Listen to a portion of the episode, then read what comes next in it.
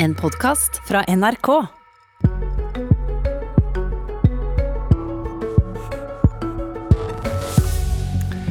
Hva skjer med domstolene når SV ikke er sikker på om partiet vil støtte endringene regjeringa vil gjennomføre? Det er tema i Politisk kvarter, der vi også oppsummerer hva vi vet og ikke vet, før vi faktisk får vite hvem som blir sentralbanksjef i morgen. Forrige regjering innførte en domstolreform.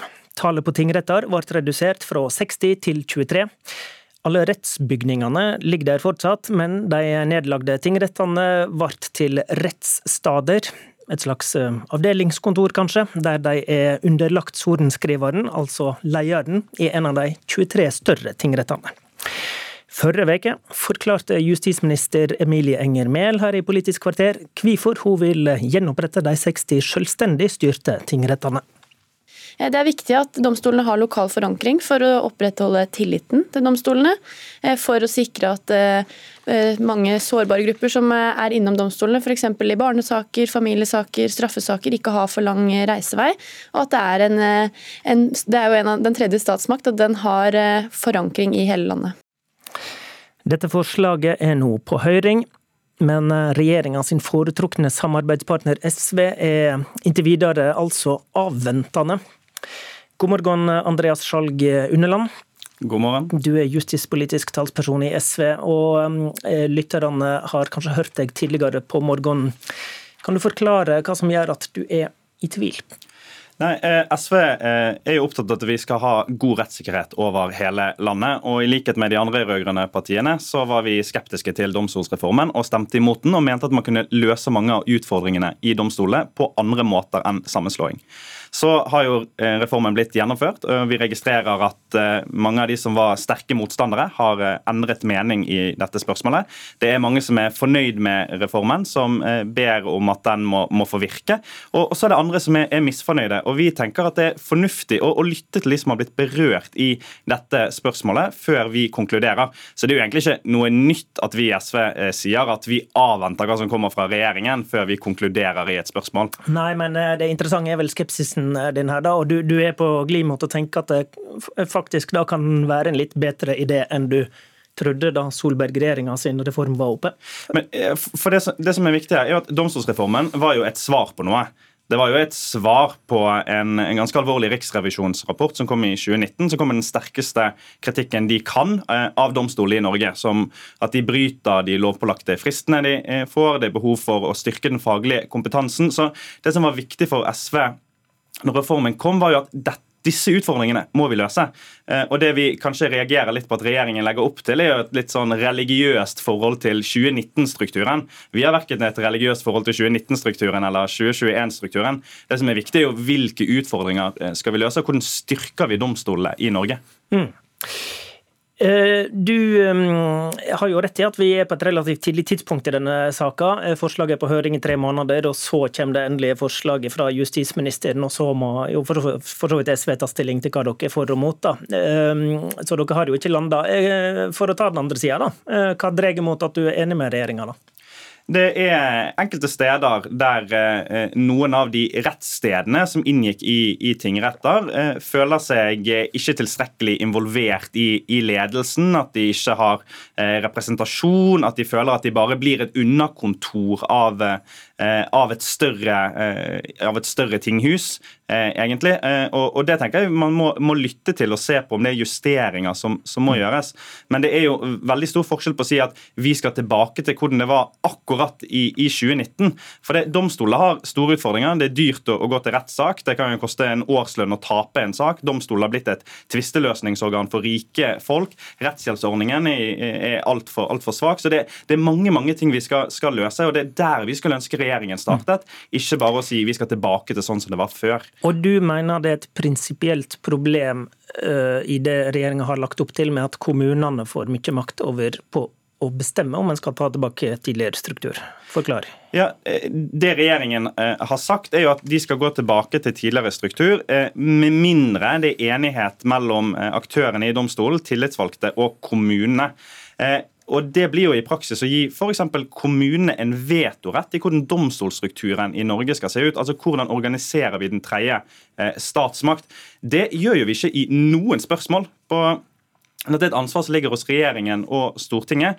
Eh, og det er jo eh, viktig å si at Før domstolsreformen så var det syv av ti kommuner som ikke hadde tinghus. Eh, eh, å gi de avgjørende makt i, i hvordan domstolstrukturen skal være, det eh, syns vi er, er spesielt.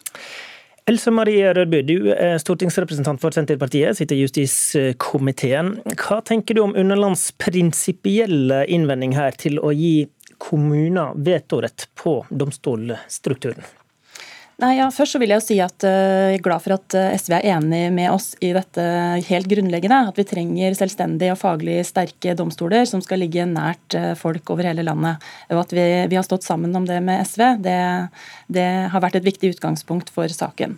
så er det jo sånn at Regjeringa har sendt ut en brei høring, hvor kommunene er en av de som har mottatt høringsbrevet. Mm, og Underland sitt poeng er at det kan være problematisk at dere egentlig i praksis gir kommuner vetorett til hvordan strukturen skal være i et område med det dere har foreslått? Ja, og Vetorett er jo ikke vårt begrep. Eh, vi har jo sagt at, eh, at, det er veldig viktig at kommunene skal få uttale seg om en så viktig tjeneste som det domstolene er for innbyggerne. Eh, og Vi snakker jo nå om strukturen på en veldig samfunnskritisk funksjon. og Det er åpenbart at det er et politisk spørsmål, og at kommunene er noen av de som har interesse i den saken. Og så vil jeg poengtere at Beslutninga skal jo ligge hos regjering og storting, og at kommunene får være med å spille inn. Det syns jeg er eh, positivt. Eh, men, kan, men, kan, du se noe mm, prinsipielt problematisk da, i, i, at man liksom gjør organiseringa av eh, en annen statsmakt til, til en viss grad, iallfall, til kommunalpolitikk? Hvis det var sånn at eh, kommunene hadde vetorett, sånn som eh, Underland og, og, andre har sagt, eh, så kunne vi gått inn i den prinsipielle diskusjonen. Men jeg mener at det er ikke det som er tilfellet. Det er sånn at kommunene får være med og uttale seg om viktige fagmiljøer og en viktig tjeneste for innbyggerne. og Det mener jeg ville vært mer prinsipielt problematisk hvis de ikke fikk. Underland, det er vel Stortinget som bestemmer til slutt? Ja, det, det, og, og, det, og, sånn skal jo det være.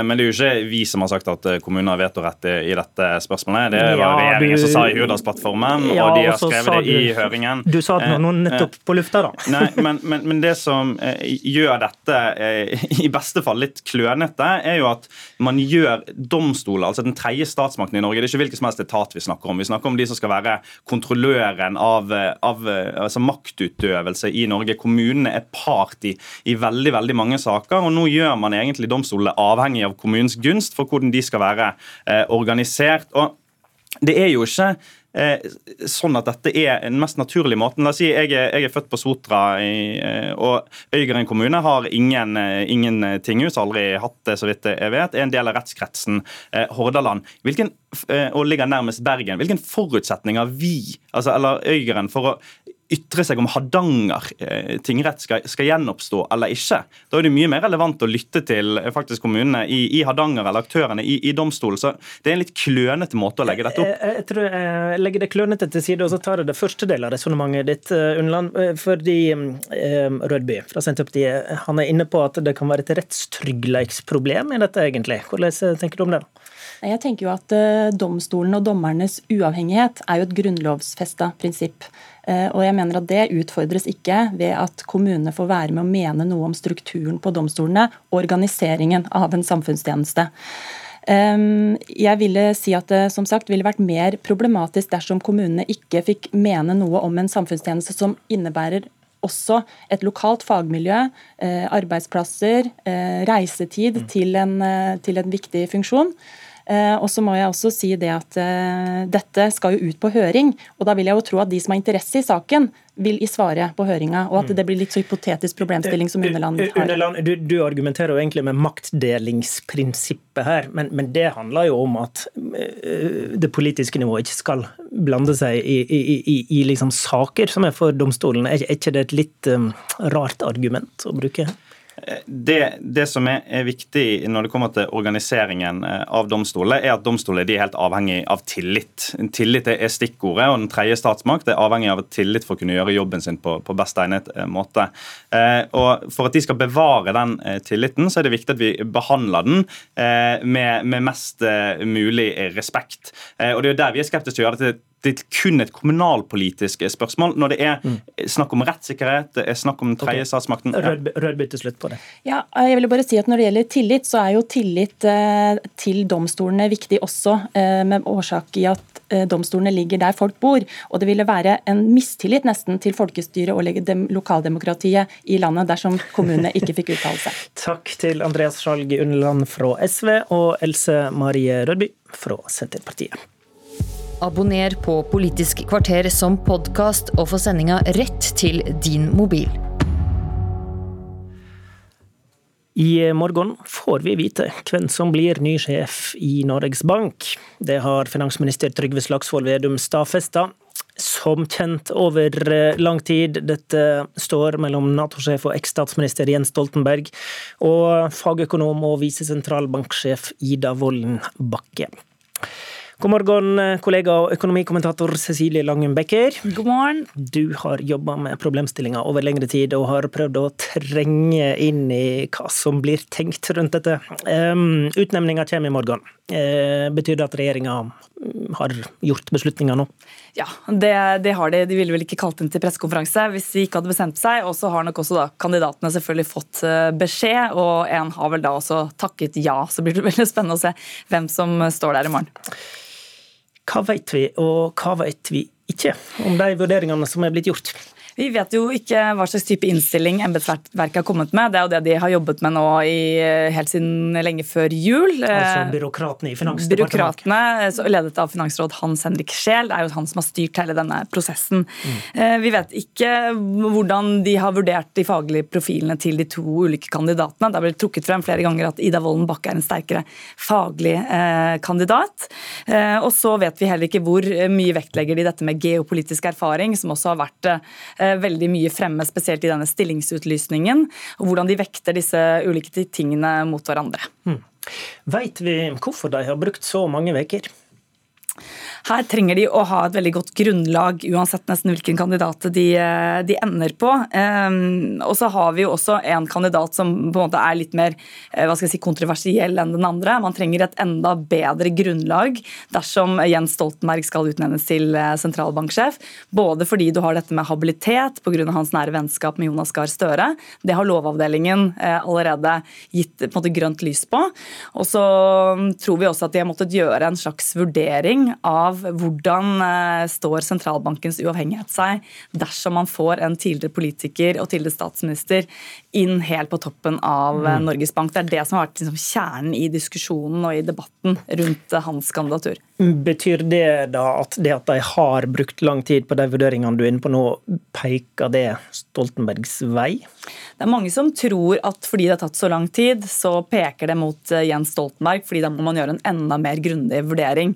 Samtidig så kan jo også Finansdepartementet ende på to kandidater, altså både, både innstille på Ida Wolden Bakke og Jens Stoltenberg. og Da trenger de også det samme faglige grunnlaget.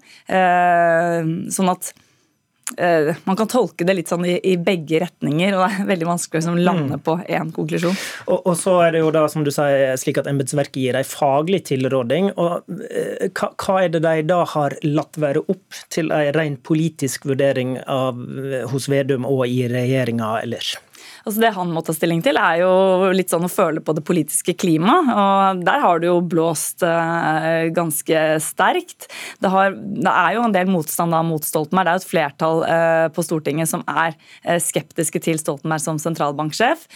Så dersom han utnevner Stoltenberg, så vil, vil man jo måtte kunne svare veldig godt på hvorfor man har valgt han. Men dersom han velger Ida Wolden Bakke, så kan han jo også få en sånn at Vedum har på en måte feil feiget ut og har liksom mm. stått eh, og ikke klart å stå i presset. Mm. Eh, sånn at eh, uansett hva han velger, så, så, så, vil det jo så, så vil det jo være en eller annen form for kritikk i etterkant. Til slutt, eh, vet vi hva type leder Norges Bank ønsker seg nå?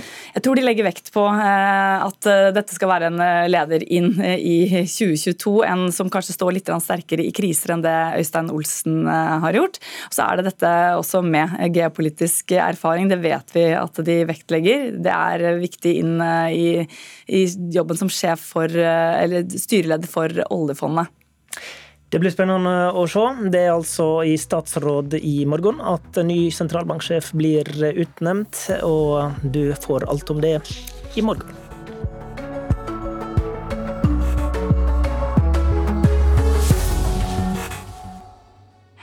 En podkast fra NRK. De nyeste episodene hører du først i appen NRK Radio.